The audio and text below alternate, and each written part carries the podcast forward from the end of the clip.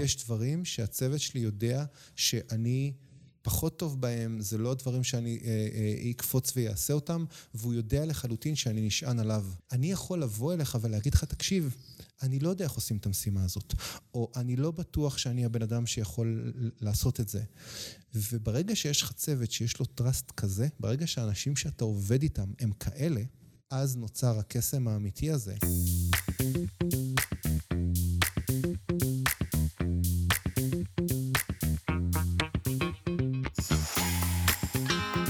שלום לכולם, ברוכים הבאים לעוד פרק של הפודקאסט למצוא את הפלוס.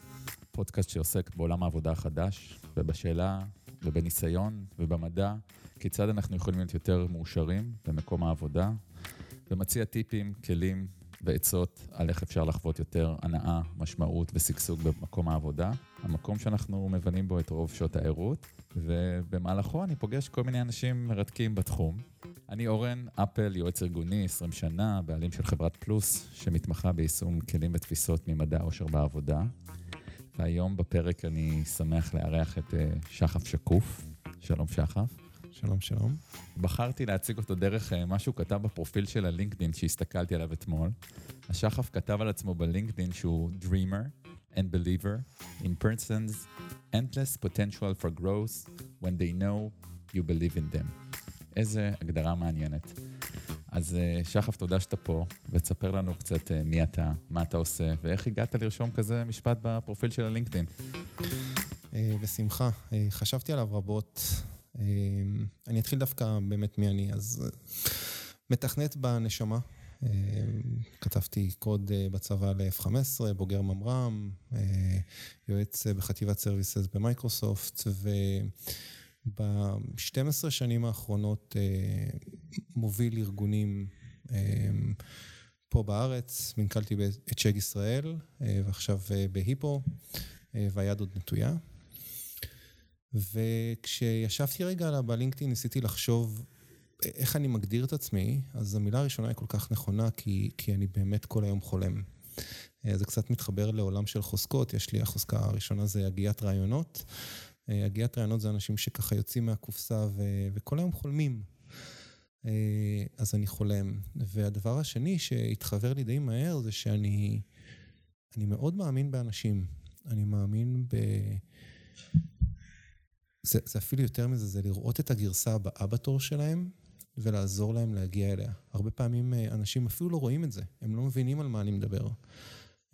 אבל כשאנחנו מתחילים את הדרך וצועדים ביחד, אז הם מגיעים לשם, וזה יפה לראות את זה.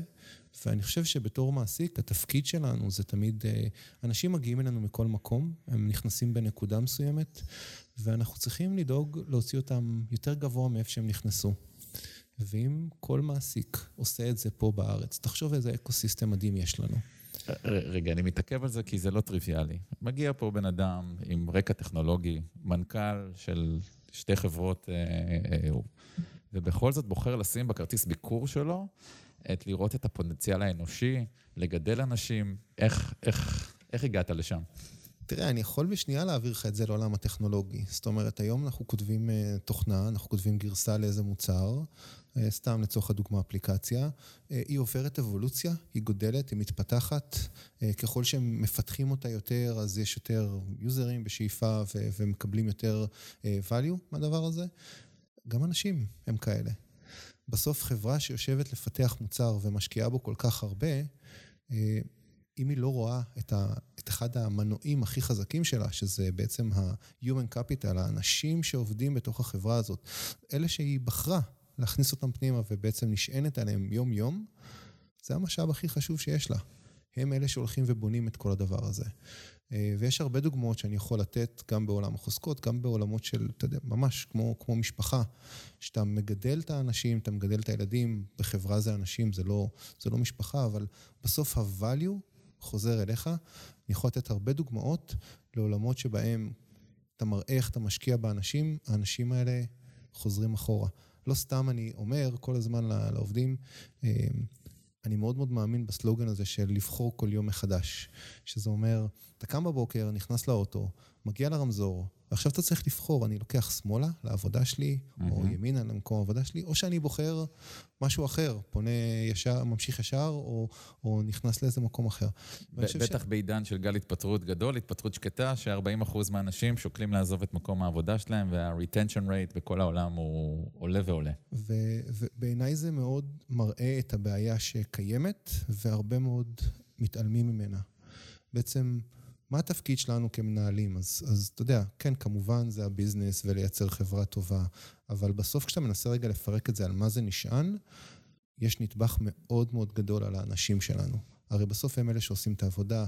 יש, יש את הפן המקצועי, שאנחנו מאוד מאוד רוצים לחזק אותם ולהביא אנשים טובים שיודעים לעשות את זה, אבל בסוף, אם זה בן אדם שאי אפשר לעבוד איתו ומאוד מאוד קשה להזיז אותו ומאוד מאוד קשה להמשיך איתו קדימה, אז החברה כולה נפגעת.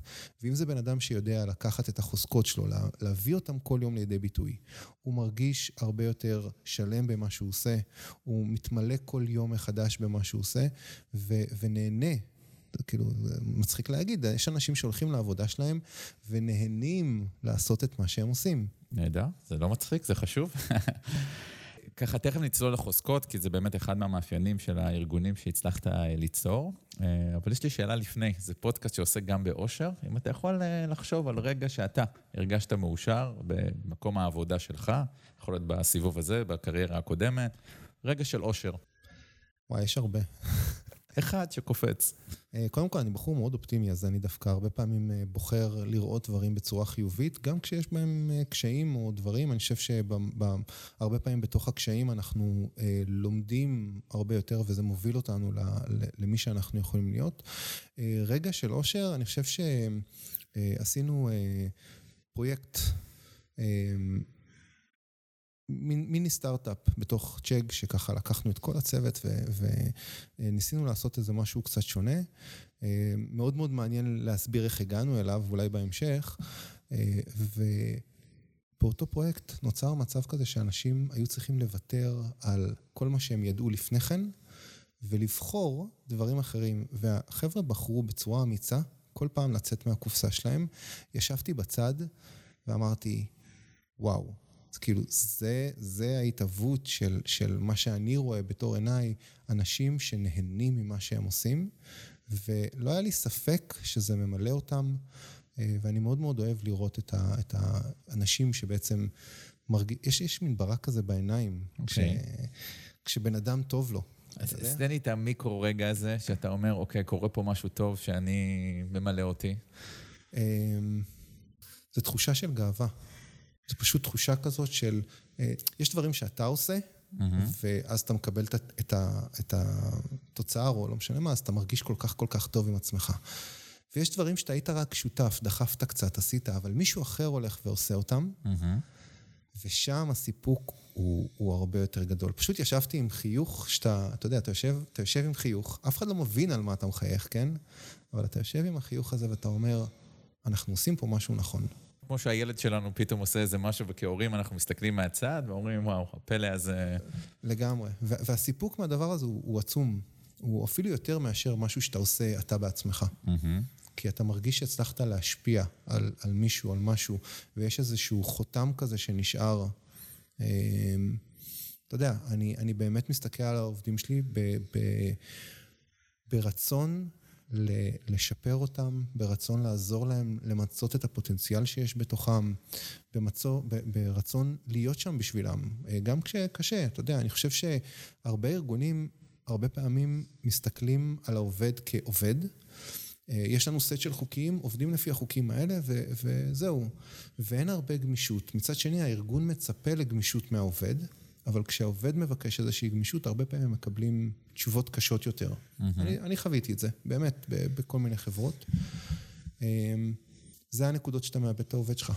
אז רגע, תכף נגיע לשם. אני, אני, אני רגע רוצה לסכם את הרגע הזה, שאתה אומר, הרגע הוא בכלל לא רגע שקורה לי משהו, אלא שאני נוכח לזה שמישהו בצוות שלי עושה משהו, גדל, מממש את עצמו, אה, וזה חוזר בהרבה מאוד סיפורים, שהאושר שלנו קשור באנשים אחרים ובגדילה ובהתפתחות שלהם.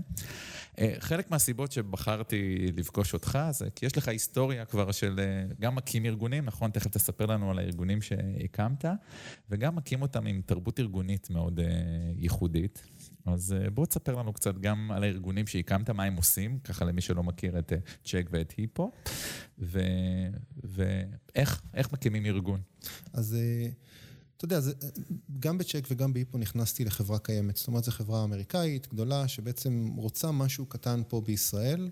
בצ'ג זה היה ממש חמישה אנשים ש, שממש עשינו acquisition talent acquisition לקחו אותנו. רגע, תספר לנו מה צ'ג אה, עושה. צ'ג אה, מתעסקת בסטודנטים, ממש אפשר לבוא ולחשוב על זה כעל אה, חברה ששמה את הסטודנט מול העיניים שלה. היא נותנת מגוון שירותים, כולל השכרת ספרים, פתרון לשאלות מתוך הספרים, יש לה סט של מומחים שיודעים לענות על כל שאלה שצריך, internships, scholarships, כל מה שתרצה. ובעצם Chegg פוגשת אותנו, את הצוות איתי. דרך אה, אוהד אה, עדר פרסמן, הוא יושב בארצות הברית, יש לו חברה קטנה ובעצם אה, מייצר פתרונות HTML5, בואו תחזור איתי 12 שנה אחורה, זה שיא הטכנולוגיה. מתחילים איזה פרויקט, לכתוב להם את הקורא ספרים הדיגיטלי שלהם. חודשיים אחרי זה הם בעצם אומרים, טוב, אנחנו רוצים את הצוות הזה אצלנו, שלנו, ואני מוצא את עצמי עוזב את מייקרוסופט, מצטרף לדבר הזה, ובעצם מוביל צוות, פותח משרד של חמישה אנשים, זה, זה מה שזה היה. אה, עשר שנים אחר כך אנחנו 110 איש, אנחנו עושים באמת כל כך הרבה דברים בתוך, אה, בתוך Chegg, ויש לנו, כמו שאמרת, קלצ'ר שהוא, אני, אני חושב שהוא ייחודי, או, או אין הרבה כמונו אה, בסביבה פה בישראל. אמ, אז בואו נדבר עליו רגע. עוד, עוד משפט על צ'ק, נכון? זה צ'יקן ואג? כן. זה מה בא קודם? כן. הביצה או התרנגולת? כן, זה בעצם, אה, אתה צריך תואר כדי להשיג עבודה, אבל אתה צריך כסף, אז אני צריך עבודה כדי להשיג תואר. אז אה, מה בא לפני, עבודה mm. או תואר? איך, איך עושים את זה? אה, זה התחיל משם. אז איך באמת יצרת את הארגון, שבברנג'ה מדברים עליו כתרבות ארגונית ייחודית של אמון, שאמרת קודם שעובדים בוחרים בזה כל יום מחדש, וגם נושא החוזקות, שככה הוזכר לפני, תרבות מבוססת חוזקות. איך, איך הגעת לזה ואיך יוצרים את זה? אה, קודם כל אני אגיד, אה, צריך לעבוד קשה, צריך להאמין באנשים. זה לא היה ברור לי כשהתחלתי את זה. זאת אומרת, זה, זה משהו שגם עבר קצת איזשהו ניסוי וטעייה. אבל היה לי מאוד מאוד ברור שאני, בגלל ארגונים קודמים שהייתי בהם, אני לא הולך לייצר ארגון של שכירי חרב, ככה קראתי להם. אוקיי. Okay. אה, אתה, אתה מכיר את הארגונים האלה, עובדים, אה, נכנסים. גולגלות. כן, נכנסים, עושים קצת, יוצאים, אה, וזה לא מה שרציתי לייצר. מה כן? הדימוי הכי קרוב שאני יכול להגיד זה כמו קורס טיס. אני רוצה טייסים. וגם, אתה יודע, הטייסים הכי טובים עברו הכשרה. לוקחים אותם ועושים להם הכשרה מאוד ארוכה. אה, להגיע לשם. אז הבנתי די מהר שאני חייב לעבוד על ה mindset של האנשים. אני חייב להפוך אותם לחסינים לכל מיני דברים שהם פחות חשובים, ולעזור להם לראות את הדברים שבאמת אה, חשוב לראות. מה אה, חשוב לראות? אז אתה יודע, אז תלך עכשיו לחברות, יגידו לך, חשוב לנו הגרסה. ואני שואל את עצמי, רגע, באמת חשוב הגרסה? כי בסוף גרסה זזה ימינה, זזה שמאלה, תכולות משתנות, הרבה דברים משתנים בתוך זה. אה, ובעיניי זה לא רק התוצאה הסופית. כן, הגרסה חשובה, אני לא אגיד שלא, אבל איך הגענו לשם? איך עשינו את זה? עשינו את זה בתוך כדי זה שאנחנו עוזרים אחד לשני, עשינו את זה כצוות אחד, עשינו את זה בצורה שאם אחד נופל אז השני מגבה אותו, ואנחנו לוקחים אחד את השני בידיים, או שעשינו את זה על ידי זה שפשוט כל אחד מנסה להשיג את המטרות שלו ורצים קדימה. אז די מהר מההתחלה גיבשתי אותנו כצוות. אה, אני מאוד מאוד מאמין שה- you're as good as your team. Mm-hmm. אתה, אתה, ולכן, אם אני אדאג שהצוות שלי יהיה טוב, אז בהגדרה, אני יותר טוב. יהיה טוב במונחי skills, או יהיה טוב במונחי mindset, או יהיה טוב במונחי... אה, קודם כל, אתה יודע, אני רוצה הכל. אה, דיברנו על קורס טייס, אז אתה רוצה, אתה רוצה הכל מהכל. אה, אבל אם אני צריך לבחור, אם הייתי עכשיו צריך לבחור, אני רוצה אה, אנשים שטוב לעבוד איתם, אנשים ש... אתה יודע, הורדנו אגו, אין אגו. אנחנו, אנחנו מתעסקים ב, באיך לבנות דברים. המטרה שיצרתי לצוות הזה היא בעצם לא הגרסה, אלא ה site. Mm-hmm. וכשאתה מסתכל על ה site, אז זה כבר יותר גדול מאיתנו, זה יותר גדול ממני אפילו, אוקיי? זה כבר איך אנחנו עושים דברים. ואתה יודע, אה, הרבה פעמים, אה, כשאתה בתוך איזשהו תפקיד או איזשהו משהו, יש הרבה דברים שאתה כבר לא יכול לעשות רק מעצם היותך בטייטל הזה, אוקיי? אז פתאום נוצר איזשהו מקום שאני אומר להם, חבר'ה, אבל זה ישראל, יש לנו סטנדרט. הסטנדרט שלנו הוא כזה, ויכול להיות שהאמריקאים חיים רגע לפי סטנדרט טיפה שונה. אז אנחנו, לפי הסטנדרט שלהם, ועוד הסטנדרטים שלנו. ולאט לאט אתה מתחיל לייצר מקום כזה שהם גם מתגאים במה שהם עושים, הם מתגאים ביכולת שלהם אה, להיות כאלה, עם סטנדרט כזה גבוה. והסטנדרט הזה הוא לאו דווקא בעולמות של תוכנה ואיך אני כותב קוד, אלא זה גם, יש, יש את האיכות ויש את כל הדברים האלה, אבל זה גם הרבה מאוד על איך אנחנו עובדים.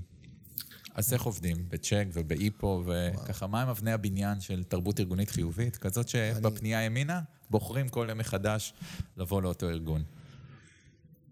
אני, אני אענה היום, זאת אומרת, אחרי כל התהליך הזה, יש לי דרך אה, לכמת את זה. Mm-hmm. אה, קצת... זה מעניין אולי גם היום וגם אז. מה עשית כן. אז, איך הסתכלת קדימה, והיום בראיית האחורה. אני, אני הולך אה, להגיד משהו שהוא דווקא... תלוי, תלוי מי אתה, איך אתה הולך לשמוע את זה. אמ, אבל ישבתי, ישבתי עם, אה, עם מאמן, אבי קרקם, והוא שאל אותי את השאלה הזאת, שחף, כאילו, בוא, בוא תאר לי רגע, הייתי באותה תקופה בצ'ג, אמ, בוא תאר לי רגע את אה, צ'ג ישראל. מה זה, מה זה צ'ג ישראל האופטימלית, הכי טובה ש, שיש בעיניך? כאילו... ואמרתי לו, אבי, אתה יודע מה, אני לא צריך לתאר לך, אני יכול להראות לך. הוא אומר לי, יאללה. פתחתי יוטיוב, um, והראיתי לו משהו על המסך, תכף אני אגיד מה הראיתי לו. התגובה שלו קודם כל כמובן הייתה לצחוק ולא להבין, ו- וככה, אבל uh, פתחתי יוטיוב והראיתי לו תמונה של דובוני אכפת לי. ואמרתי לו, זה צ'ק ישראל. הוא מסתכל עליי ואומר לי, דובוני אכפת לי, על מה אתה מדבר? תגיד לי, אתה החלקת? כאילו, יש לנו הרבה דברים לעשות, דובונים אנחנו לא. אבל אמרתי לו, תקשיב, העקרונות של מה, איך שהם עובדים, זה העקרונות של צ'ג ישראל, וזה גם העקרונות שהייתי רוצה לשפר ו- ולייצר ב- בארגונים שאני נמצא בהם. אז בואו נדבר על זה שנייה. בואו נדבר על דובוני אכפת לי. אז אני חושב שהדבר הכי חשוב שאפשר להגיד על דובוני אכפת לי, שיקפוץ לכולם וכולם יזדהו איתו, זה שהם יצורים טובים. הטוב הזה שלהם יוצא להם אה, מהבטן. זה אומר שזה חי בתוכם, נכון? מהרגש. מהרגש, ומהבטן, זה, זה בתוכם. זה לא משהו שאפשר להגיד, אה, שמתי חליפה, או לקחתי, כמו ספיידרמן, לא יודע, קורי עכביש שאני מצליח להוציא ממני. זה משהו שחי בתוכי. אה, איך הם עושים את זה? אז אמרנו מהבטן, אבל הם מוציאים קרן אור, נכון? Mm-hmm. עכשיו, אתה יודע שקרן אור, יש, הם יש להם בכל מיני צבעים, נכון? כל דובון יש לו כן, את הצבע שלו. כן, כל דובון. עכשיו, תסתכל על הצוות שלנו, כל, כל עובד יש לו את הצבע שלו, הוא מגיע עם רקע אחר, עם דברים אחרים. אבל אתה יודע מה מיוחד בקרן אור שלהם? כל אחד שמוציא את הקרן אור הזה, זה אותה עוצמה. לכל אחד יש את אותו כוח. זה אומר גם לנו, כל העובדים שלנו בסוף, לא משנה איפה הם, יש להם את אותו כוח. כשהם צריכים יותר כוח, כשהם צריכים להילחם רגע באחד הרשעים שם, מה הם עושים? הם באים ביחד. ביחד, כן. מחזיקים ידיים, נכון? והם מכוונים. זה, זה בדיוק מה שאנחנו מדברים עליו. כש, כשאנחנו נתקלים בבעיה, או כשנתקלנו בבעיה בצ'ג, זה לא, אוקיי, שחף, לך תטפל בזה, או אחד העובדים, לך תטפל בזה. זה, אנחנו ביחד הולכים ומסתכלים ומבינים מה צריך, ו- ותופרים את הפתרון, ויכול להיות שבסוף אחד צריך ללכת לעשות את העבודה, אבל אנחנו חושבים על זה ביחד, אנחנו מתכנסים. ו...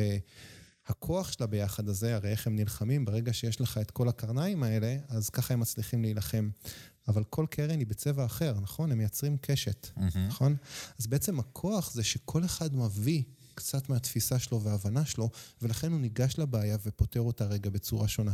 ולכן לביחד הזה בכלל יש כוח.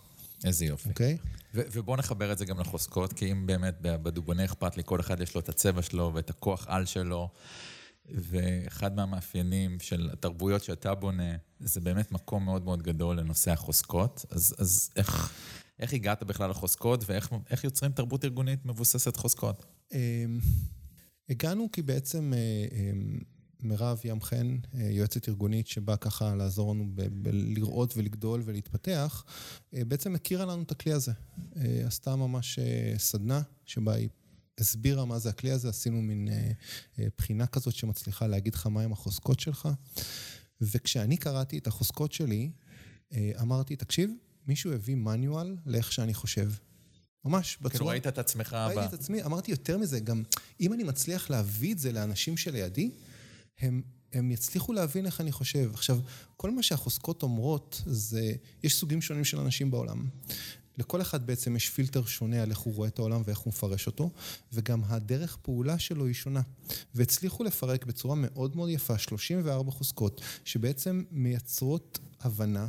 על איך בן אדם חושב. החיבור בין החוזקות האלה, התמהיל, כמו שמירב אומרת תמיד, אה, זה הקסם. כי יכול להיות שיש לי ולך יש את אותה חוזקת אה, הגיית רעיונות, אבל בתוך התמהיל שלנו, אה, זה בא לידי ביטוי בצורה אחרת. אז רגע, אז מה התמהיל שלך? אפשר לשאול? בטח שאפשר לשאול. אז הגיית רעיונות, אוקיי. זה ככה לצאת מהקופסה. הרמוניה, הרמוניה זה מישהו שבאמת אה, כל הזמן מנסה לייצר, אני מזל מאזניים, אז זה גם ככה קצת מתאים, אה, סוג של אה, מאזניים כאלה. סטגלנות זה יכולת להתמודד עם מצבים די מהר, אני, אני כאילו... כשיש שינוי, אני מכיל אותו מאוד מאוד מהר ומצליח לחיות בתוכו מאוד. חוזקה מאוד נדרשת בעולם המשתנה שלנו כרגע. נכון, נכון. למדן, אוקיי, שזה אה, הרצון תמיד לדעת דברים, זה לאו דווקא להעמיק לעומק, יש שתי סוגים של אה, למדנים, זה מאוד מאוד תלוי מי אתה. זה התלמד, התלמיד הכי סקרן בכיתה, הוא לא דווקא הכי טוב, אבל הכי סקרן כן. בכל התחומים. כן, אבל יש גם, יש גם למדנים שהם גם הכי טובים, אבל זה, זה מתבסס על חוזקות אחרות גם, זה, זה למדן עם עוד דברים. אה, ומפעילן, מפעילן זה מישהו שתביא את המפתחות נוסעים. איש העשייה. כן, את האמת הוא כבר נוסע לפני שהוא קיבל את המפתחות גם כן, אין שום דבר שמצליח לעצור אותו. אז זאת החמישייה הפותחת שלי. אה, אז איך היה לך לפגוש את זה? קיבלת איזושהי מראה שאומרת לך, זה, זה אתה. כן, זה אני, זה, זה פשוט היה מדהים, אה, ואז אתה מתחיל לראות את החוזקות של אנשים אחרים בצוות. Mm-hmm. קודם כל אתה מתחיל להבין ש... אתה יודע מה, אני אתן לך דוגמה מאשתי. אני ישר אחרי שעשיתי את זה, אמרתי לאשתי, טוב, קדימה, יש לך פה בחינה, לכי תעשי. אה, והיא הפוך ממני, היא יש לה התמקדות, ויש לה משמעת, ויש לה כל מיני דברים ככה אה, טובים אחרים. אה, אבל פתאום זה הסביר לנו, למשל, אני כמפעילן, נגיד אנחנו מחר, לא יודע, צריך לקנות מכונת כביסה, אוקיי? אז אני מבחינתי, מגיעים לחנות, מפעילן, יש לו משימה, צריך לסגור אותה. נכנס לחנות הראשונה, מסתכל על שלוש דקמים, ויאללה, בוא נסגור. אה, אשתי בדיוק הפוך, אשתי צריכה את הזמן רגע לעשות מחקר ולהבין, אה, ופתאום הבנו ש... היא אומרת לי, למשל, עכשיו, היא יכולה להגיד לי, תשמע, אנחנו צריכים מכונת כביסה, אנחנו הולכים לחפש, אין פה משימה, אנחנו לא קונים. ואז פתאום המפעילן שלי נרגע. אני מוכן ללכת איתה, להסתכל, ולא אכפת לי, כי אין פה משימה. Mm-hmm. עכשיו, בשנייה שהיא נסגרת, ואנחנו נסגרים על איזשהו דגם, אז היא אומרת לי, אוקיי, שחף, קפצה משימה חדשה, לקנות uh, uh, מכונה, הנה, זה הדגם, זה הדברים, לך תקנה. ואז משם המפעילן שלי יודע לעשות את העבודה מצוין, פשוט ילך ויקנה ויעשה. אז זה גם שיפר את הדרך שבה אנחנו מצליחים לתקשר ולהבין אחד את השני, כי באמת אנחנו רואים את העולם אחרת. מנגנון הפעלה מאחורי. כן. עכשיו, זה בדיוק המקום הזה שהוא מייצר הרבה מאוד קונפליקטים.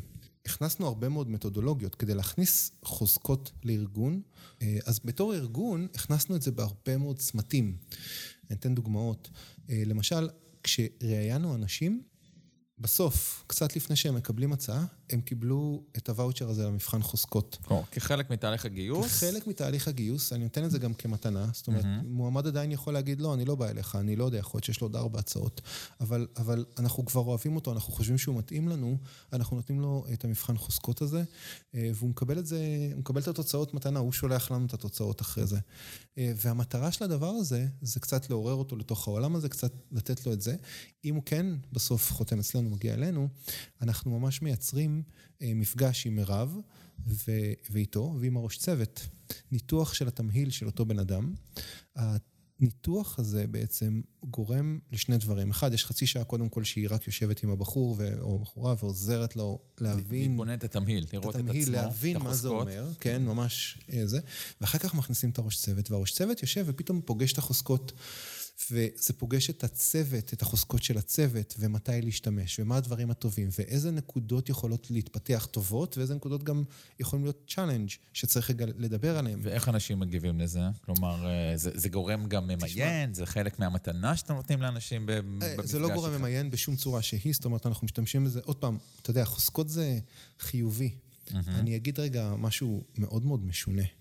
אה, בן אדם שמאמין באנשים, הרבה פעמים כשהוא רואה דברים על אנשים, ואני יכול להעיד את זה על עצמי, אני מסתכל על הדברים בתור נקודות חוזק ולא נקודות החולשה של דברים. עכשיו, יש בזה קצת, אה, אפשר להגיד נאיביות או כל מיני דברים, אבל אני מאוד מאמין שכשאתה מסתכל על הדברים שמחזקים בן אדם, ואתה גורם לו להבליט אותם, זה, ה-value הוא עצום. אנחנו רואים את זה היום בפסיכולוגיה חיובית, אה, כשמדברים על תלמידים בבתי ספר ואומרים, אם אתה לא יודע חשבון או אנגלית, אז תעשה את המינימום ההכרחי, אבל תשקיע שעה במשהו שהוא בחוזקות שלך. אין ספק. value. מעניין אותי, אבל איך פוגשים מתכנתים, אנשים אז... שלא באים מהעולם, כולנו גדלנו על הטיית השליליות, אנחנו באובססיביות עסוקים במה לתקן כל היום. הסקפטיות קיימת. אה, אנשים שפוגשים את זה לראשונה, אה, יש כאלה שמי שיותר פתוח אוהב את זה ו- ומתחיל קצת להבין את זה, מי שלא, אז הסקפטיות, הציניות הישראלית ישר אה, יוצאת. אני חושב אבל שקורה, הקסם האמיתי קורה בניתוח חוזקות. זאת אומרת, mm-hmm. אם הייתי רק מביא לך את החוזקות שלך, ואומר לך, קרא את זה, הייתי אומר, שמע, 50-50 chance, אני לא יודע להגיד, יכול להיות שתאהב את זה, יכול להיות שלא.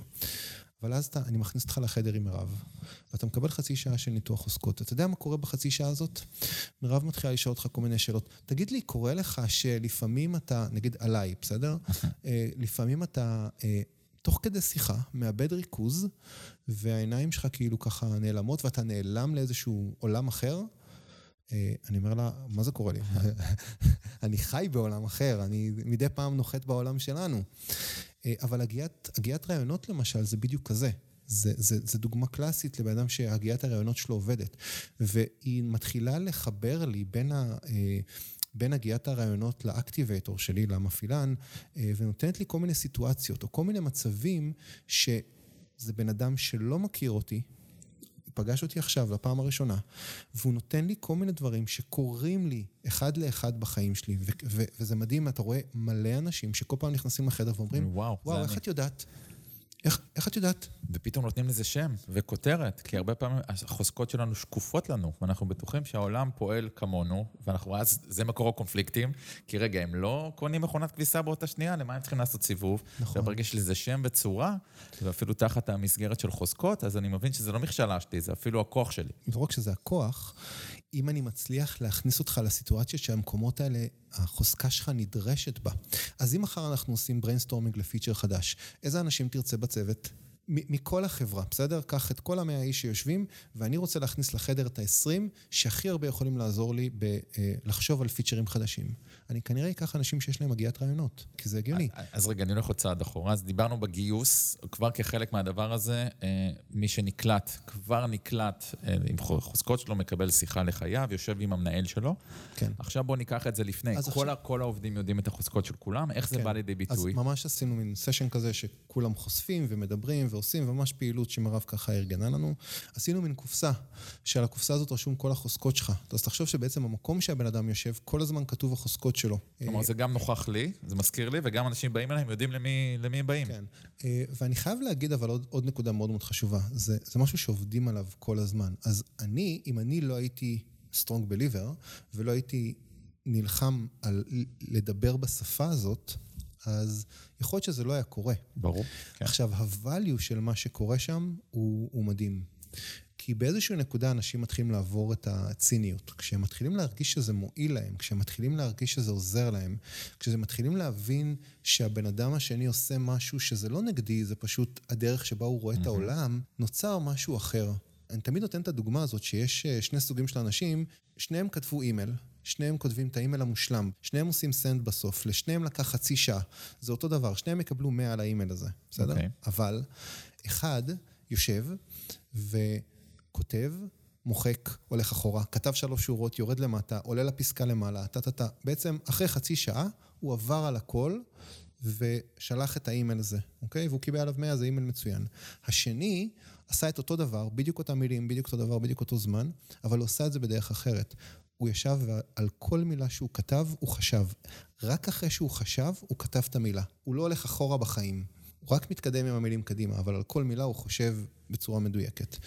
בסוף שניהם שלחו את האימייל ושניהם אה, עשו את זה מצוין. התפיסה של שניהם היא מאוד מאוד שונה. Mm-hmm.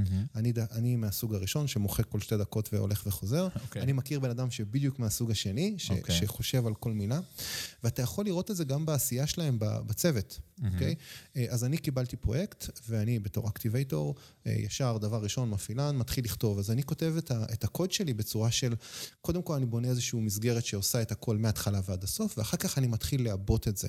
מקרה קצה, דברים שעובדים, מוסיף עוד כפתורים, כל מה שצריך, בסדר? אוקיי. הבחור השני, בדיוק הפוך, הוא יושב במשך... במשך שלושה ימים, הוא לא עושה כלום חוץ מלחשוב ולכתוב על דף מיליון דברים. Mm-hmm. בסוף הוא יושב מול המחשב, ובשעתיים כותב את כל הקוד, והוא סיים. ואני סיימתי, ולקח לנו את אותו זמן, אבל mm-hmm. עשינו את זה מאוד מאוד שונה. אוקיי? עכשיו, תחשוב שבצוות שלך יש שניים כאלה, והשניים האלה צריכים לעבוד על איזשהו פיצ'ר ביחד, ופתאום יש פה התנגשות מטורפת, ופתאום יש פה מלחמה, ופתאום יש פה הרבה מאוד דברים. אבל ברגע שאני מתחיל להסביר, רגע, תראה את הצורת העבודה הזאת, היא טובה, פתאום התחלנו להשתמש אחד בשני. פה מתחיל הקסם האמיתי. אה, כשאני עשיתי את הפרויקט הזה, אז הלכתי אליו ואמרתי לו, תקשיב, אני עושה את זה. יש לך כאילו דברים שאתה יכול לחשוב שיכולים לעזור לי, כל מיני pitfalls שאני הולך לפגוש בדרך, או כל מיני דברים, אז הוא יכול לחשוב בצורה הזאת. מהצד השני, הוא בא אליי רגע, איך אני מחבר את זה במכה? כאילו, איך אני יודע לעשות מקצה לקצה? בוא תעזור רגע לחשוב, תעזור לי לצייר לי את זה בראש, אוקיי? כלומר, ההבדלים הופכים להיות במקום מקור לקונפליקט. איזשהו מקור להגיד, אוקיי, הוא חזק בדבר הזה, בדיוק. אז אני עכשיו, כשאני עושה תכנון או ביצוע, אני כבר מכיר את העוצמות של חברי הצוות נכון. שלי, ויודע להשתמש בהם לטובת המשימה. לגמרי. וליהנות ו... מהשונות הזאת, במקום לנסות לייצר איזה האחדה. אז, אז עכשיו אני מחזיר אותך שוב לדיבון האכפת לי, ומחזיר אותך לקשת בענן הזאת, ואני אומר לך, תקשיב, קשת יכולה להיווצר רק כשכולם מפעילים את הקרן אור שלהם, mm-hmm. ולכל אחד, בגלל שכל אחד הוא צבעוני, אז נוצר קשת. וגם שאני יודע מה הצבע שלך, כי כרגע אני צריך סגול או אדום או כחול, או מפעילן או אמפתיה נכון. או סטגלטנות. נכון, עכשיו אני אגיד אפילו יותר מזה, אמ, אתה יודע, דיברנו קצת על מנהיגות. הטעות הראשונה שאני רואה אמ, מנהיגים, אנשים, זה הם חושבים שהם צריכים לעשות הכל. אתה אפילו אמרת לפני שנייה, אני צריך צבע סגול. אה, ואנחנו בעצם, כל הזמן אני מנסה לדאוג או לחשוב על איך אני מייצר צוות, שזה לא הראש צוות או המנהל בא ואומר, אנחנו צריכים פה צבע סגול, mm-hmm. אלא הצוות רגע מסתכל ואומר, אה, ah, אנחנו צריכים להוסיף פה צבע סגול. הרבה פעמים אנחנו חושבים שהמשימה מצליחה רק אם עשינו את מה שביקשו מאיתנו. אבל בפועל זה, המשימה תצליח אם שלחנו צוות שיודע לקחת החלטות בזמן אמת, לנווט סביבם ולהזיז אותם ולעשות אותם. ואם הוא עושה את זה בצורה שהיא מחוסרת אגו, נשענת על חוזקות, בצורה שהצוות הזה מלוכד, ואנחנו נדבר רגע על trust, אני רוצה להכניס רגע את המושג שנקרא trust. trust זה שאני יודע איך אתה הולך להגיב. ולכן יש לנו trust, כי אנחנו פחות או יותר סומכים, אבל אנחנו סומכים על התגובה. אני יכול לבוא אליך ולהגיד לך, תקשיב, אני לא יודע איך עושים את המשימה הזאת, או אני לא בטוח שאני הבן אדם שיכול לעשות את זה.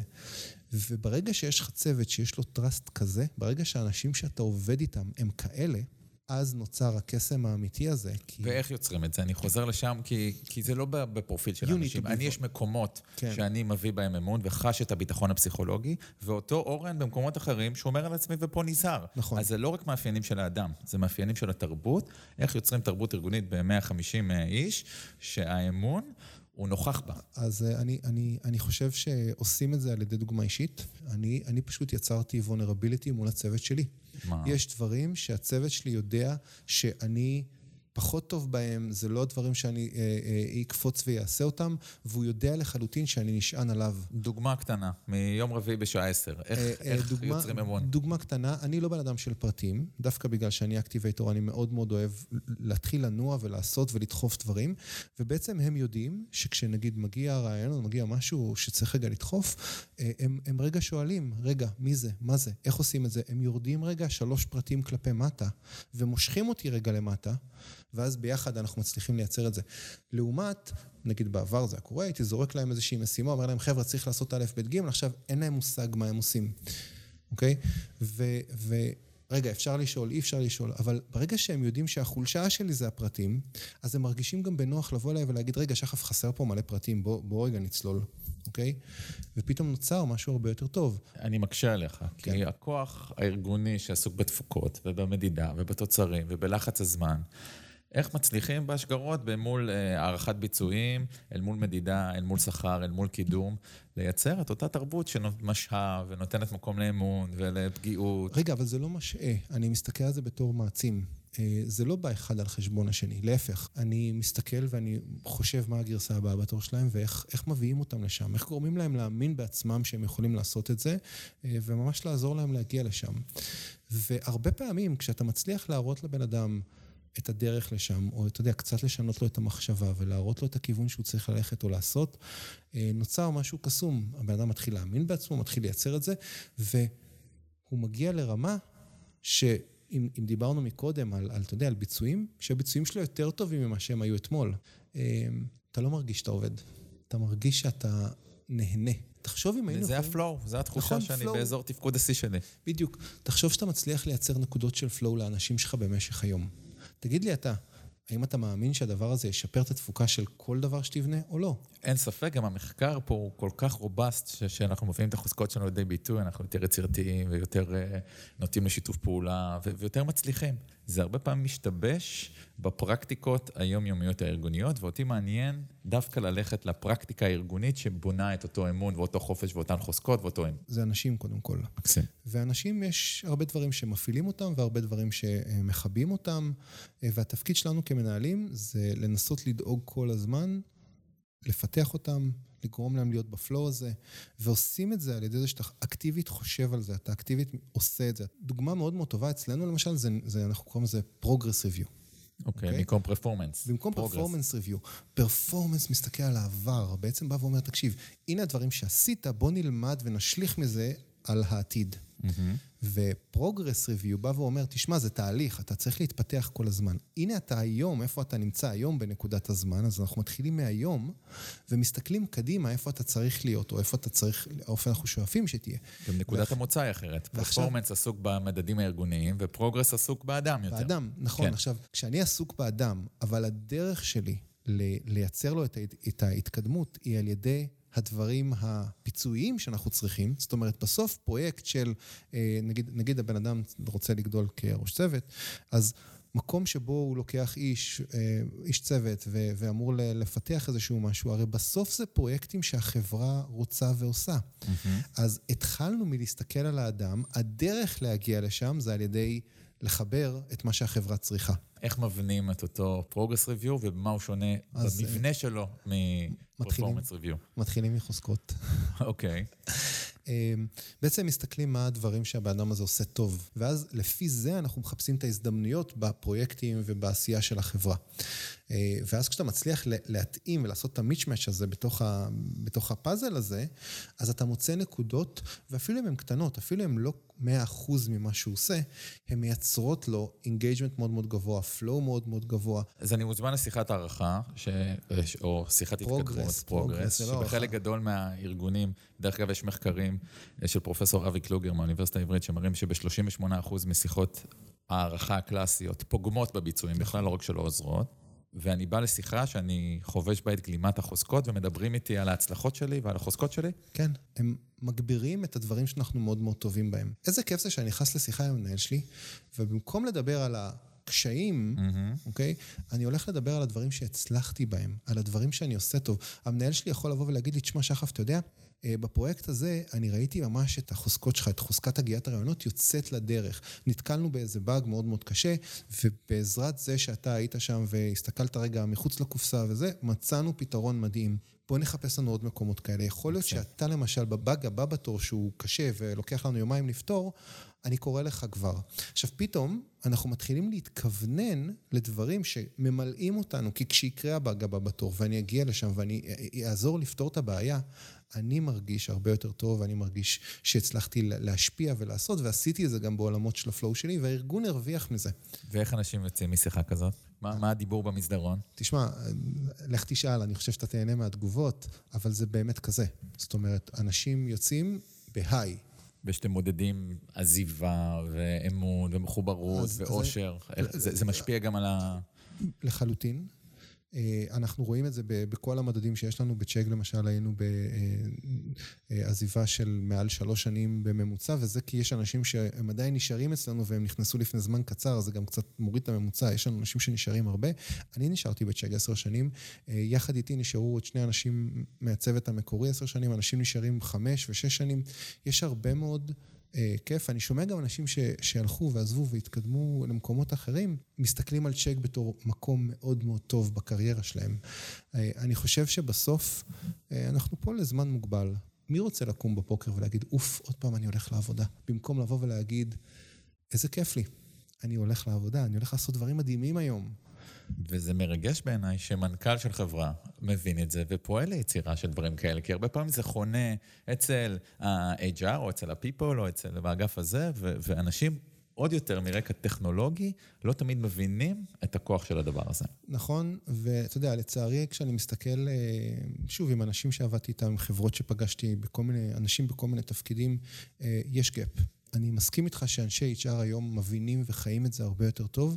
קשה להם מאוד לקחת את זה לתוך הארגונים. אז איפה מנהלים מפספסים? איפה חלק מהקולגות שישבו איתך בספסל הלימודים פועלים אחרת? כי מה, מה, מה הם לא רואים? חלק גדול מהדרך שבה אנחנו מתפתחים, נקרא לזה, זה קצת להאמין בעצמנו, ובעצם להגיד, אני יודע. וברגע שאתה מגיע עם הנחת יסוד כבר מקובל איזשהו משהו, אז אתה מפספס. ואני חושב שפה, אם הייתי צריך לשים אחד הכי mm-hmm. חשוב, זה זה. אל תניח שאתה יודע. למה אתה תגיד עכשיו, נגיד לאיש ששונה ממך, שמערכת ההפעלה שלו עובדת אחרת, אתה צריך לעשות ככה. אני רוצה להגיד לו, הנה מה שאני צריך שתעשה, הנה mm-hmm. מה שאני רוצה, הנה התוצר, לך תעשה את זה בדרך, בדרך שלך. שלך. עכשיו, איפה הבעיה פה? רוב המקומות שעובדים אין trust מאוד מאוד גבוה. אם יש לנו trust מאוד גבוה, אני יכול לבוא אליך ולהגיד לך, תשמע, ביקשת ממני משהו שאני לא כל כך יכול לעשות, בוא תעזור לי, בוא תכוון אותי, בוא זה. פתאום, אוקיי, בוא נביא את הצוות, בוא נתכנס, בוא נפתור את הבעיה, בוא נעבוד ביחד. אין פה בעיה באמת, ותחשוב כמה הארגון הזה הרבה יותר חזק. ואת זה הצלחת לשחזר בצ'ק ובהיפו ובעוד מקומות? אז כלומר, בהיפו אנחנו עדיין... זה איכות שאפשר לבנות אותה. ש... כן, אז בהיפו אנחנו עדיין בשלבי בנייה, זאת אומרת, okay. אוקיי. אנחנו רק שנה וקצת בתוך, בתוך הארגון. אה, יש הרבה מאוד השפעה שעשינו בעולמות של חוזקות כלפי הארגון, גם, גם בתוך ה site, אבל גם כלפי מעלה. אנחנו רואים ניצנים של הדבר הזה, אנחנו מצליחים לשמוע את השיח מתחיל להשתנות. אה, זה לוקח זמן, צריך להבין שזה התמדה, זה, mm-hmm. זה דורש ממך השקעה, אה, זה דורש ממך לא ליפול לפח הזה של לשפוט מאוד מאוד מהר. אה, תראה, בסוף, הייתי שומע את זה תמיד, נגיד בצ'אג, מועמדים היו באים אליי ואומרים לי, תקשיב, אני לא מצליח לשים את האצבע על מה זה, אבל מהרגע שנכנסתי בדרך, בדלת, זה כבר, זה, יש פה משהו אחר. יש לה גם נראות, נכון? הנראות של המשרדים נותנת ביטוי לשפת החוזקות. יש, יש בזה, כן, אבל, אבל זה לא רק הנראות של, של החוזקות, זה כאילו, זה, זה יש משהו באוויר. בתדר. הייתי שומע את זה ממועמדים, הייתי שומע את זה מכל מיני קונטרקטורים שהיו mm-hmm. מגיעים ועובדים אצלנו, הייתי שומע את זה מספקים שנכנסים רגע ו- וזה. עכשיו, אתה אומר כאילו, איך זה יכול להיות? למה? כאילו, מה, מה כזה שונה? תרד קומה למטה, יש חברות אחרות. אבל קורה משהו בקסם הזה, קורה משהו במקום הזה שאתה מרגיש אנשים באמת נמצאים אחד בשביל השני שם. זה מין תחושה כזאת ש... זה יותר גדול מבן אדם אחד, זה, אין את האגו הזה. אני אשאל אותך גם על הצד השני, כי, כי בסדנאות שאנחנו עובדים עם חוזקות, אומרים, אוקיי, אחלה, הבנו, אבל מה עם החולשות? מה עם המקומות שאותו עובד לא עובד בו טוב? מה, לא ניגע בזה? לא נדבר על זה? קודם כל... ב progress review, ב one on one, ב dailies, נדבר רק על מה טוב? לחוזקות אה, מגיעות גם עם, לכל חוזקה יש אה, אה, את הבור שלה. והבורות הם, הם, הם קיימים שם, וצריך לדעת לתפעל אותם, וצריך לדעת לנהל אותם. אני אתן, אני אתן דוגמה, עוד פעם, עליי, הרמוניה. אוקיי? זו חוזקה נהדרת. זו חוזקה שבעצם תמיד מנסה לייצר ווין ווין סיטואשן, זו חוזקה שמסתכלת על הצד השני ומצליחה לזהות את הדברים שהוא רוצה, כל מיני דברים כאלה. החולשה שלה, הבור שלה, זה שהיא מאפשרת לי לוותר על דברים שאני רוצה, כי אני רואה את הצד השני קצת ואני אה, מוכן לבוא לקראתו כדי לייצר הרמוניה, כדי שלא יהיה קונפליקט ואז, נגיד בתור מנכ"ל, רגע, ההרמוניה לפעמים מתנגשת. אה, רגע, יש פה בעיה שצריך לחשוב עליה בצורה מסוימת, ורגע, איך היא באה לידי ביטוי. ואז אתה אומר, רגע, ההתנגשות הזאת היא, היא טובה או רעה? זאת אומרת, אני אלך למנכ"לים אחרים שאין להם את זה, יגידו, מה זה? זה, זה לא טוב, הוא מוותר. Mm-hmm. מצד השני, מה הרווחתי? הרווחתי עובד שיישאר איתי, שהוא עובד טוב, שאני רוצה אותו, אז הרווחתי אותו. אוקיי? אז עכשיו נשאלת השאלה איפה האיזון. אז אנחנו מתעסקים גם בבור, זאת אומרת, אבל עוד פעם, תחשוב מה זה התעסקות בבור, כי אנחנו שוב חוזרים לטראסט.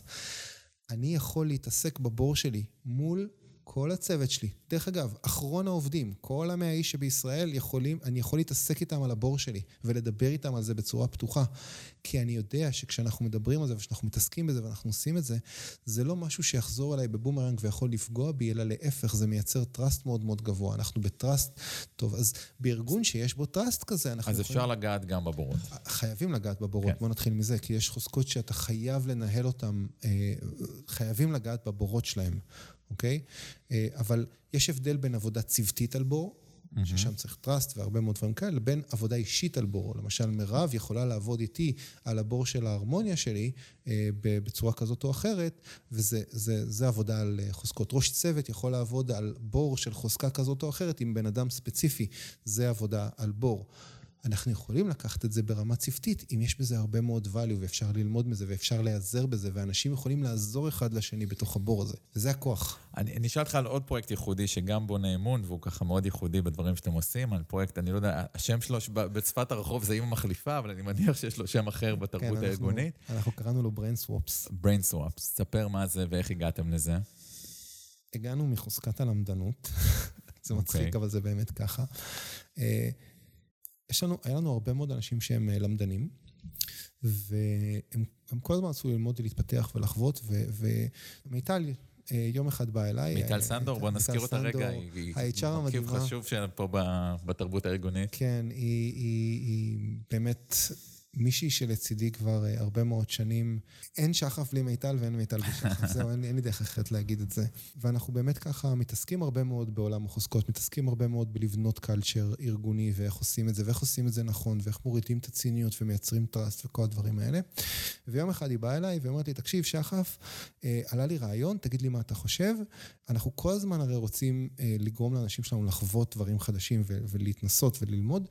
אה, עכשיו, הרבה פעמים הלמידה הזאת קורית מחברות שונות, ואנחנו לא רוצים לאבד אותם, אנחנו לא רוצים שהם ילכו, הם לא רוצים ללכת גם, הם רוצים להיות פה, אז כאילו, חשבתי על מודל כמו אימא מחליפה. מכיר את הסדרה? הסדרה אה, בעצם לוקחת שתי אימהות, אה, מחליפה אותן, המשפחות נשארות, אבל האימא, האימהות מתחלפות. בשבוע הראשון ככה האימא חיה לפי הבית הקיים, ובשבוע השני היא מביאה את עצמה אה, יותר לתמונה. ואני... אני לא אומר לא לשום רעיון טוב. אוקיי. יפה, אמ, שזה הרבה. זה, זה מאוד חשוב בעיניי. גם רעיונות ש, שיש להם סיכוי הצלחה נמוך, אוקיי, בוא ננסה, מה זה משנה? במקרה הכי גרוע, לא הצליחו. להסתכל על אקו-סיסטם של סטארט-אפים, זה, זה הדרך שבה עושים את זה, אבל בחברות לאו דווקא לוקחים החלטות בצורה כן, כזאת. כן, אבל אני יכול לתת לך שורה של מנכ"לים כן. שה- HR היה בא עם רעיון כזה או אחר, והם כן. נורא נחמד, אבל כן. לא. אז אני, אני אציע לאותו מנכ"ל, רגע, שוב, לשכוח את מה שהוא מכיר ולהגיד, רגע, יכול להיות שיש פה דברים קצת שונים שאני יכול להתוודע אליהם. זה עוד דרך לבנות אמון, אפרופו. נכון. בדיוק במיני אינטראקציות הקטנות האלה, שמישהו נכון. בא עם רעיון שאולי אפילו לא בא לך טוב בבטן, ויגיד לו, אני הולך איתך. כן, ולהאמין, יכול להיות שהוא רואה בעיה שאתה לא רואה. יכול להיות. שהוא... אוקיי. אז... אה, אז זה מה שעשינו, ובעצם אה, פנינו, בסבב הראשון עשינו את זה עם אה, eBay Innovations, בסבב השני עם חברה עם Monday, mm-hmm. ובעצם לקחנו מתכנת, במקרה הספציפי הזה זה היה מתכנת, אחד צוות אצלנו, מתכנת אחר בצוות השני, ואמרנו להם, מחר בבוקר אתה לוקח את המחשב שלך, אבל במקום לנסוע לפה, אתה נוסע לפה, הנה הצוות, הנה זה. ואתה עובד על יעדים של צ'ק או איפו, אתה עובד על יעדים של מאנדיי? אתה עובד, נגיד, אם הוא בא אלינו, ממאנדיי נגיד הגיעו אלינו, אז הוא עובד על צ'ג, והבחור שלנו אה, מצ'ג הולך למאנדיי, הוא עובד על מאנדיי, הוא חלק מהספרינט, הוא נכנס כחלק מהמשפחה, אוקיי? תקשיב, קרה פה משהו מדהים. אה, אפרופו, אפרופו להגיד אנחנו לא יודעים הכל, היה לנו תהליך פיתוח מדהים באמת בצ'ג, התגאינו בו, אנשים היו עולים לרגל לשמוע איך אנחנו עושים דברים. אה, חוזר אליי אחד החבר'ה שעשה, רודיק עשה את, ה, את התהליך החלפה הזה, והוא אומר לי, תקשיב, שחף, קרה לי משהו מוזר. אני אומר לו, מה קרה? הוא אומר, סיימתי את הספרינט, סיימתי את כל מה שאני צריך, נשארו עוד איזה יומיים, אני בא לראש צוות שם, ואני אומר לו, תקשיב, סיימתי, מה עכשיו? הוא מסתכל עליי והוא אומר לי, תשמע, אנחנו, אצלנו זה, זה קצת אחרת, אנחנו, המתכנת צריך לדעת להביא את הדבר הבא בתור שלו, הראש צוות לא, לא מתעסק בזה. Mm-hmm. המשפט הזה שהגיע לפתחי, mm-hmm. גרם לנו לצאת מה, מהתהליך פיתוח שהיינו בו למסע אחר לגמרי. הבאנו מומחית לאג'ייל, אה, ובעצם התחלנו תהליך שלם של לשנות את כל תהליך הפיתוח שלנו. בעקבות... בעקבות uh, משפט אחד קטן ש... שהגיע מביקור בארגון אחר. שהגיע מביקור בארגון אחר, שאני אומר לך שהיה לנו תהליך שהיינו מתגאים בו, ו- וכאילו כולם, mm-hmm. והוא באמת היה תהליך טוב, אבל פתאום הבנו, רגע, אפשר לעשות את זה אחרת. משפט אחד. הנה עוד פעם המקום הזה של, רגע, עד כמה אנחנו מאמינים במה שיש לנו, ו- ועד כמה אנחנו מוכנים לעשות לו challenge. ועשינו challenge, אתה יודע מה קרה? הגענו לתהליכי פיתוח ממש ממש מתקדמים, שהיום הם, הם, הם בחזית, אה, והתחלנו לייצר צוותים, והתחלנו להגדיר ישות שנקראת צוות, ומה האחריות שלה, ואיך מייצרים אותה, וכל מיני דברים שכאילו... אה, באמת עזרו לנו. זה, זה היה וייס ורסה, גם בצד השני לקחו דברים בצד השני מכם, מהתרבות שלכם, מאופן העבודה? לקחו בהחלט, אני יכול, עשינו אחר כך סיכום, גם, אגב, לקחנו עוד דברים מן הסתם, ברור. אפילו מה האוכל במטבח זה יכול להיות, נכון? לגמרי, לא לגמרי, מה, איך רגע, הייתה גם ממש שיחה, רגע, למה הם מקבלים פיצות בשעה שמונה בערב ואנחנו לא? אוקיי. אבל אתה יודע, DNA אחר, דברים אחרים. בסוף, אנשים שגם, בסוף, בסוף, בסוף חזרו אחורה, ואמרו, אתה יודע איזה טוב לנו פה? גם העובד שלי חזר עם... עם, עם המקום הזה ואמר, וואו, איזה מדהים פה, וגם העובד שלהם חזר ואמר, תקשיב, אתה יודע, אני מאוד אוהב את המקום שלי, טוב לי. אמ, אז זה, זה באמת אה, היה אקט לימודי אה, מטורף, עשינו את זה גם בעוד כל מיני דברים. שגם בונה אמון, כי היכולת, אפרופו vulnerability, להביא מישהו להציץ לנו אה, בתוך הבית, בחצר האחורית, ואיך אנחנו מתנהלים. נכון, אתה יודע על מה זה נופל? זאת אומרת, אנחנו, אנחנו מבחינתנו היינו מוכנים באמת עם כל חברה. בחלומות הפרועים שלי זה גם עם חברות שהן לא, לא, לא הייטק, כאילו אפשר להחליף כן, הרבה דברים. לגמרי. חברות בסוף לא הסכימו כי, אחד, עוד פעם, פגשת מנהל שאומר, זה, אני לא רוצה את זה, כי הוא עם הדעות שלו, או שזה נופל על סוג של NDA, רגע, על איזה מחשב עובדים, רגע, הקוד שלי פתוח אליו, כל מיני דברים כאלה שצריך איזשהו אומץ, נקרא לזה רגע. והיינו ממש מגיעים לחברות, אפילו שמאוד מאוד רוצות את זה, בסוף הבירוקרטיה, כן. הבירוקרטיה הורגת את זה. וזה קרה גם בתפעול, ב-HR ובפייננס ובעוד תחומים. ומיליון דברים. אנחנו עשינו את זה, אנחנו תכננו לעשות עוד אחד, אז קרה קורונה וזה, אז ככה קצת זה נעשה, אנחנו רוצים מאוד לעשות. הייתי שמח לעשות את זה גם עכשיו באיפו, אבל אנחנו, זה, זה עוד לא מספיק בשל, לצערי. אבל זה דברים שיקרו, אין לי, אין לי שאלה, הvalue של הפרויקט הזה הוא, הוא משמעותי. אז ככה בוא נתכנס לסיכום, ואם נראה מה שלושת הטיפים של שחף לבניית תרבות ארגונית חיובית, כזו שבונה אמון, מה, מה ככה עלה בשיחה שאתה רוצה למרקר לנו? אני רוצה להגיד, ש, ש, שאני אגיד שלושה טיפים, אבל יש, יש מן הסתם הרבה. יש שמונים, כן. אבל אני מסתכל, דבר ראשון, על... תייצ... תהיה בתוך מקום שבו אתה מסתכל על האנשים שלך, ואתה אוהב אותם. אתה מסתכל על אנשים ואתה רוצה לפתח אותם. אתה רוצה לגרום להם להיות יותר טובים ממה שהם. הדובונה אכפת לי, עוד פעם. הדובונה אכפת לי. כן. אני חושב שאם עושים את זה, אז נוצרים כל מיני מצבים מאוד מאוד מאוד מיוחדים. אז זה אחד, תאהב את האנשים כן, שלך. רוב, רוב, רוב האנשים, המנהלים, בסוף מסתכלים על, על הקשיים. כאילו, בן אדם חווה איזשהו משהו, זה, אז אתה בסוף תקוע כל הזמן על הקשיים במקום להיתקע על... או, או רואים באנשים משאב להשיג כן, תוצר, או, ולא נכון. מקור כוח ואהבה ואכפתיות. כן. הדבר השני זה, אה, באמת דיברנו על זה, זה נקרא humbleness, אה, בעיניי זה רגע, אה, הדעה שלך היא צריכה להיות אחרונה בשרשרת. כאילו, זה בדיוק הפוך, זה counter intuitive למה שאנחנו, כי ככל שאנחנו גודלים ב title ועולים למעלה, אתה אומר, רגע, יש לי say יותר גדול. ואני אומר, ככל שאתה מדבר, ככל שאתה עולה יותר למעלה, זה בדיוק הפוך, אתה מייצר יותר נזק, במקום, במקום לגרום לצוות שלך להיות אה, בפרונט. מקסים, אה, זה קשור לאמון גם? כן, כלומר, זה איכות שבונה אמון. אני אתן עוד דוגמה אחת פה, ישבנו יום אחד אה, עם הצוות, אה, הצוות הנהלה שלי, וביקשתי מהם רגע לצייר את המבנה שלנו, שלנו בצוות, כצוות. הנהלה. הארגוני. ובאמת אחד מהחבר'ה עלה ללוח והתחיל לצייר מין כזה משולש, מן הסתם. ואז אמרתי לו, תשמע, ציירת יפה, אבל יש פה טעות קטנה, והזזתי את העיגול של הראש אה, הצידה, ובעצם הפכתי אותנו למין עיגול. ואז אמרתי לו, תקשיב, אנחנו בצוות הזה, אנחנו עיגול. מדי פעם, העיגול הזה, הקטנצ'יק פה, צריך לקחת החלטה גלובלית יותר, גדולה mm-hmm. יותר. אבל כמעט תמיד אנחנו עיגול. מקסים. זה גם מאוד רוח התקופה. נכון. אה, עכשיו תראה, זה מצחיק, כי בסוף, מה זה רוח התקופה? אני מדבר איתך על אה, אחורה, עוד אה, לפני קורונה, אני מדבר איתך על. חמש שנים, שש שנים אחורה. הקורונה פשוט הצליחה לגרום לארגונים להבין שהם חייבים להתחיל לפעול ככה, כי אחרת הם מאבדים משהו מאוד מאוד חשוב. כן. אז דיברנו על, דיברנו על אהבה, דיברנו על אה, ענווה, שאני שם את זה עם האמון, ואולי החוזקות, זה גם משהו שצריך להיות פה? אה, אני חושב שחוזקות זה כלי, זה דרך, יש עוד, עוד כלים, אה, אבל הטיפ הוא, הוא בהחלט, תבחר לך כלי שאתה יכול להחדיר אותו ולייצר דרכו את השניים הראשונים. את האמון הזה ואת הענווה והכל. אני בחרתי חוזקות, אני חושב שזה כלי מדהים, אני חושב שהוא מביא כל כך הרבה value, הוא לא מספיק מוכר, אבל ככל שאני משתמש בו יותר, והוא חוצה גבולות, באמת, הוא לא, הוא לא קשור רק לטכנולוגיה או רק לדברים, הוא... הוא מצליח לזקק ולייצר תוצרים שלא ראיתי בהרבה כלים אחרים. אז בגלל זה גם בחרתי אותו, בגלל זה זה גם היה לי מאוד מאוד אינטואיטיבי. אה, רק צריך לזכור שכשבוחרים את הכלי הזה ומטמיעים אותו, זה להטמיע. זה לא לוקח שנה, זה לוקח הרבה יותר, אה, אבל רואים את הvalue לאורך הדרך. זאת אומרת, זה לא סדנה שעושים אה, יום כיף, אלא יש שם עומק והרבה נכון, מאוד עבודה. נכון.